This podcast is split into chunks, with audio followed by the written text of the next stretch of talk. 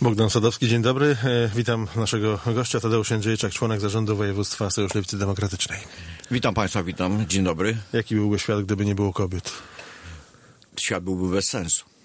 A w Pana otoczeniu jest wiele kobiet? Mam trzy przede wszystkim żony i dwie e, cudowne córki. W związku z tym nauczyły mnie e, szacunku dla siebie i w związku z tym ja bardzo, bardzo ponieważ dzisiaj święto e, kobiet, a jest to święto też związane z ruchami postępowymi jako człowiek lewicy, wszystkim kobietom lubuskim, wszystkim kobietom, które nas słuchają i tym, które będą słuchały. Życzę wszystkiego dobrego w tym dniu, dużo uśmiechu, no i tradycyjnych prezentów od mężczyzn. Marzec 2018 e, roku. Procent podpisanych umów w województwie w ramach zintegrowanych inwestycji e, terytorialnych nieco ponad 50. To wynik zadowalający, dobry, bardzo dobry? To dobry wynik. To dobrze, że w ubiegłym roku nastąpiło przyspieszenie projektowania, przygotowania tych e, dokumentów, dlatego bardzo się cieszę, że e, ZIT-y w województwie lubuskim e, ruszyły i będziemy za chwilę mieli również w Gorzowie tego efekty zgodnie z decyzją pana prezydenta. ZIT Gorzowski 32 umowy 140 na 142 miliony, ZIT Zielonogórski 23 umowy 180 milionów złotych. Proszę wskazać różnicę. W jakim sensie? Są jakieś różnice? No są różnice tam w wysokości y, środków finansowych, ale to jest związane z tym, że jeżeli Zielona Góra robi kilka dużych projektów i w pierwszej kolejności podpisuje na to umowy, y, to tak jest. Ja myślę, że y, zostały wyjaśnione, zresztą nie tak dawno było spotkanie już pana prezydenta z panią marszałek na temat Centrum Edukacji Zawodowej, na szereg innych tematów, na szereg innych spraw zwracała pani marszałek uwagę i prezydent Gorzowa. Ja myślę, że poczekajmy jeszcze chwilę. Myślę, że te projekty, które były wstrzymywane, będą szybciutko zrobione, umowy będą podpisane, pieniądze wydane w terminie. E, przypominam sobie, kiedy był pan prezydentem Gorzowa, e, mówił pan wtedy o inwestycjach, które mają być zrobione w ramach e, ZIT-ów. A te zadania, które teraz są mm, realizowane z ZIT-ów przez prezydenta Wójcickiego różnią się od tamtych pana propozycji? Znaczy część projektu została okrojona, została zmniejszona, tak jak Centrum Edukacji Zawodowej, tak jak ulica Koszczyńska, część projektu jak Miejski Ośrodek Sztuki zostały w ogóle zaniechane. Trudno zresztą mi powiedzieć, dokładnie powiedzieć, co jest z tamtych propozycji, które myśmy wówczas składali do ZIT-a, co dzisiaj jest realizowane, dlatego że nie mam tak bieżącego kontaktu i wiedzy, także trudno mi się do tego odnieść. No ale po to został wybrany pan prezydent Wójcicki przez mieszkańców Gorzowa, żeby realizował swoje zadania, a niekoniecznie te, które były projektowane przeze mnie, chociaż uważam, że kontynuacja powinna być. Niedawno Urząd Marszałkowski opublikował dokument dotyczący portu lotniczego Babimost Zielona Góra, uściślając plan intensyfikacji przewozów pasażerskich z tego miejsca. Plan planem, życie życiem. Pan wierzy w to, że się uda na tyle, żeby odbić się od dna tej nikłej ilości pasażerów e, przewijających się przez port? Ja nie zajmuję się portem e, lotniczym. To nie jest w zakresie moich e, obowiązków, ale uważam, że decyzja powinna być podjęta i to decyzja bardzo poważna i strategiczna dotycząca lotniska Babimoście. Myślę tutaj o tym, jaka jest przyszłość tego y, lotniska. Właśnie, co można zrobić, by, by mieszkańcy na bardziej północnej części województwa no, chcieli korzystać z znaczy, tego portu no, lotniczego? Pamięta pan, kiedyś były próby, y, próby z dowozem z Gorzowa. Chętnych nie było. Tego nie wiem, bo nie zajmowałem się tym, no ale jak widzę promocję lotniska Babimostu odbywała się głównie w, internecie wokół Babimostu i w Zielonej Górze. W Gorzowie takiej promocji nie ma. Jest kwestia dojazdu przede wszystkim do Babimostu, to jest sprawa pierwsza. Czyli dla przeskomunikowania. No, dlatego też będziemy, jestem po rozmowach już z dyrektorem Departamentu Infrastruktury, będziemy próbowali zasilić finansowo projekt, który on przygotowuje. Myślę tutaj o przebudowie układu komunikacyjnego zarówno kolejowego, jak i drogowego, wokół e, Babimostu Babimost. Ja, ja w ogóle w moim przekonaniu Babimoście powinno y, dojść do bardzo poważnej y, rozmowy na temat przyszłości lotniska w sensie jego własności, własności nieruchomości, y, jak to ma w przyszłości funkcjonować. Tam jest potrzebny inwestor, który mm, z branży, który będzie miał i kontakty, i możliwości wykorzystania tego lotniska w inny sposób. Ja widziałem kilka lotnisk zarówno w Europie, jak i w Azji, które służą w niewielkim części, niewielkiej części tylko jako lotniska na potrzeby ruchu pasażerskiego. Pozostałe części są wykorzystywane w zupełnie inny y, sposób, ale związane z lotnictwem. Myślę, że tutaj tej rozmowy nam y, brakuje i myślę, że taka rozmowa będzie miała miejsce. Jest pierwsza koncepcja, są przygotowane kolejne e, dokumenty, ale jesteśmy małym regionem, w związku z tym e, jest niezbędne e, wydyskutowanie takiej formuły, która nie będzie tak kosztowna jak do tej pory. Jak pan postrzega, jako były prezydent Gorzowa, działania obecnych władz miasta, które e, chcą budować strefę przemysłową przy ulicy Mironickiej? Prezydent e, podaje argument, to dla miasta, dla jego rozwoju. Przeciwnicy z kolei uważają, że za blisko domów okolicznych mieszkańców. Tak, no więc y, to jest plan przestrzenny, który się kończy y, z budową y, tej całej strefy ekonomicznej za moim domem. W związku z tym jestem osobiście zainteresowany, chociaż nie uczestniczyłem w żadnych protestach i nie podpisywałem żadnych listów protestacyjnych. Wie pan, no, wtedy robi się strefę i wtedy nanosi się plan na tak olbrzymi obszar, jaki jest przy, w tej chwili projektowany przy ulicy Mironickiej, jeżeli tam y, są inwestorzy.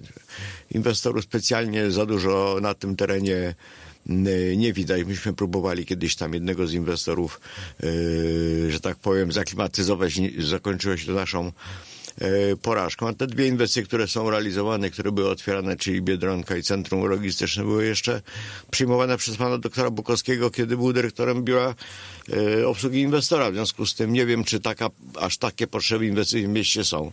No i sprawa druga, jak jest, to jest kwestia e, uzbrojenia. No ale skoro taka jest decyzja władz i zapewne Rada się do tego e, przychyli, no to będziemy kibicowali, a żeby ci inwestorzy w tym terenie się pojawili, chociaż opór mieszkańców jest bardzo duży.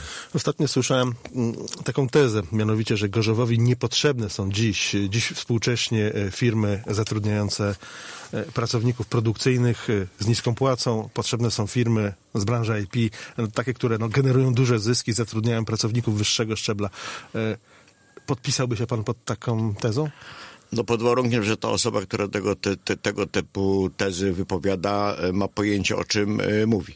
Więc po pierwsze trzeba jej sobie powiedzieć, że w planie, który myśmy mieli, Centrum Edukacji Zawodowej miało mieć bardzo dużą część związaną z dotychczasowym elektrykiem tak zwanym, czyli technikum elektrycznym, gdzie mieliśmy uczyć informatyków i ludzi właśnie z tej najwyższej y, półki. Obecne władze zrezygnowały z przeniesienia elektryka do nowego obiektu i wprowadzania nowych technologii, za to będą y, elementy biznesu, które y, i tak muszą być w każdej szkole średniej ujmowane. Sprawa druga, jeżeli chcemy mieć ka- taką kadrę, no to po to był podobno kierunek inżynierski na naszym PWSZ-cie, po to wspomagaliśmy powstanie PWSZ-u i byłem przekonany, że kierunek inżynierski będzie przynosił y, inżynierów znakomicie wykształconych, którzy będą mogli zasilać gorski przemysł. Jak wiemy, tak się y, nie stało. I sprawa ostatnia, jeżeli chcemy mieć y, tego typu firmy, a one poszukują bez przerwy pracowników, no to najpierw na rynku pracy muszą być tacy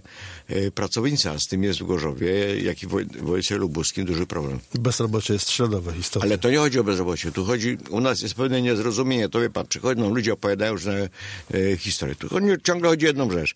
Mielibyśmy kadry jak e, w Dolinie Krzemowej, które nie chciałyby się stąd wyprowadzić, proszę mi wierzyć, przyjechałyby najlepsze technologie ze świata tutaj inwestować. Jeżeli mielibyśmy specjalistów od technologii kosmicznych, od przesyłu danych cyfrowych i tak dalej, i tak dalej, i tak dalej, mielibyśmy centrum przesyłu danych cyfrowych na terenie Uniwersytetu Zielonogórskiego. A tak się nie dzieje, ale nie dzieje się dlatego, że nie mamy kadr, bo kadry, które posiadamy są albo znikome, albo są nie w tych kierunkach wykształcone. I te fabryki, które są i będą zatrudniały ludzi i nieprawdą jest, że płace w przemysłowych są tak niskie, jak tutaj opowiadają niektórzy ludzie, bo trzeba zaprosić dyrektorów z firm, by powiedzą, ile tak, ile tak naprawdę pracownicy w tych zakładach e, zarabiają. Więc w związku z tym kierunek, jaki ja chciałem nadać e, miastu, był kierunek e, tworzenia kadr, które dałyby możliwość w przyszłości sprowadzenia inwestycji, które dawałyby szansę im na zatrudnienie. W kontekście zbliżających się wyborów e, samorządowych, e, jakie są apetyty, jakie są aspiracje Sojuszu Lewicy Demokratycznej? Na ile mandatów w Sejmiku liczycie? No wie pan, no to jak szczerze mówiąc, to e, każda partia odpowiada w takim momencie, że liczymy na największe poparcie e, społeczne. Jesteśmy realistami, będziemy prowadzili swoją e, kampanię wyborczą w sposób e, racjonalny i odpowiedzialny. Jesteśmy od blisko dwóch lat w koalicji z Platformą i z PSL-em, więc chcemy też e, uczestniczyć e, w sprawozdaniu z tego, co się w tym czasie w województwie lubuskim e, działo. No chcielibyśmy być w Sejmiku i zdobyć mandat w każdym okręgu wyborczym. Czyli wszyscy mogą być potencjalnymi koalicjantami? Prawie wszyscy. A ja panu powiem, że wszyscy. Wszyscy. Czyli nie będziecie straszyć Prawem i Sprawiedliwością. Ale czego mamy stracić prawem i No, sprawiedliwością? tak robiła opozycja, robi w dalszym ciągu. Znaczy wie pan, no, nam, nam się nie podoba wiele ruchów, które podejmuje Prawo i Sprawiedliwość w zakresie polityki historycznej, w zakresie stylu rozrządzenia, w zakresie wielu działań ekonomicznych, czy, czy na polu polityki międzynarodowej, czy kadrowych. E, A z częścią de- decyzji, które są podejmowane, e, my się po prostu zgadzamy. No, chciałem na koniec y, rozmowy przypomnieć, ale zdaje się, że pan to wie, że to straszenie Prawem i Sprawiedliwością przed wyborami parlamentarnymi, jak i zresztą później, no, przyniosło skutek odwrotny. No wie pan, ale ja nie wiem, czy to akurat y, wynikało ze straszenia, myślę, że wynikało bardziej z, koniecz, y, z chęci Polaków y, do zmiany w Polsce i, i ludzie mieli po prostu dosyć Platformy Obywatelskiej, która w taki czy w inny sposób i w takim czy innym stylu Polską kierowała. W związku z tym chęć zmiany, a poza tym proszę pamiętać, w Polsce w ciągu ostatnich blisko 30 lat wyrosły nowe pokolenia Polek i Polaków, są inaczej wykształceni, edukacja jest kontrolowana przez Kościół katolicki. W związku z tym ci ludzie mają inne zupełnie e, poglądy. Historię, jak widzimy w telewizji, każdego dnia mamy pi- napisaną od nowa i to, to wszystko razem powoduje, że zapotrzebowanie na partie polityczne, czy na ludzi, którzy mają inne trochę poglądy się zmniejszyło. Jest większe dzisiaj jest na takich właśnie ludzi o takich No, poglądach. faktem jest, że Prawo i Sprawiedliwość jest gdzieś daleko przed polityczną konkurencją. Bardzo daleko. Dziękuję. To tyle dzisiaj. Tadeusz Jędrzejczak, członek zarządu e, województwa lubuskiego Sojuszu Lewicy Demokratycznej był naszym porannym gościem. Dziękuję bardzo za zaproszenie. Życzę Państwu miłego dnia. Dziękuję.